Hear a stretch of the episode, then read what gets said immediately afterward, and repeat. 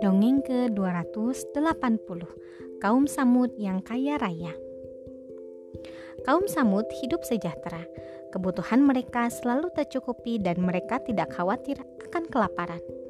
Hasil bumi melimpah ruah. Hewan ternak sehat dan gemuk.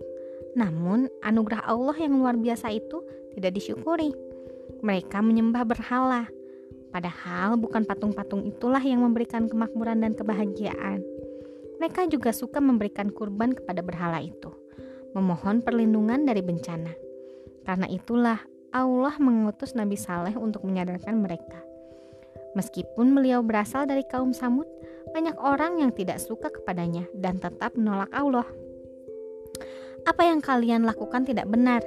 Sang pencipta alam ini adalah Allah, bukan patung-patung yang kalian sembah. Kalian harus menyembahnya, ujar Nabi Saleh. Tanpa kenal lelah, Nabi Saleh memperkenalkan ajaran Allah.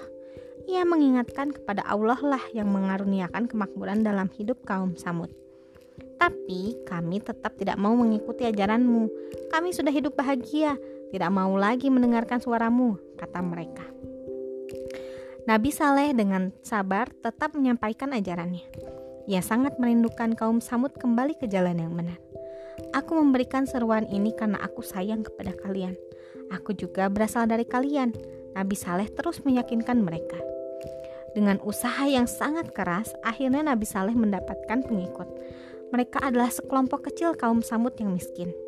Namun, meski hidup dalam keterbatasan, hati mereka telah terbuka dan mau menaati ajaran Allah.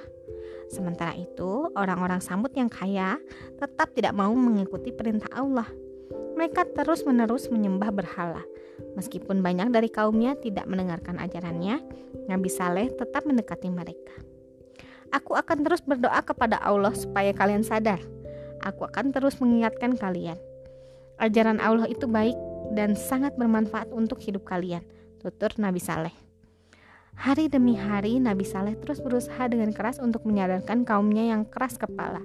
Meskipun sulit memberikan kebenaran kepada kaumnya sendiri, Nabi Saleh tidak pernah putus asa.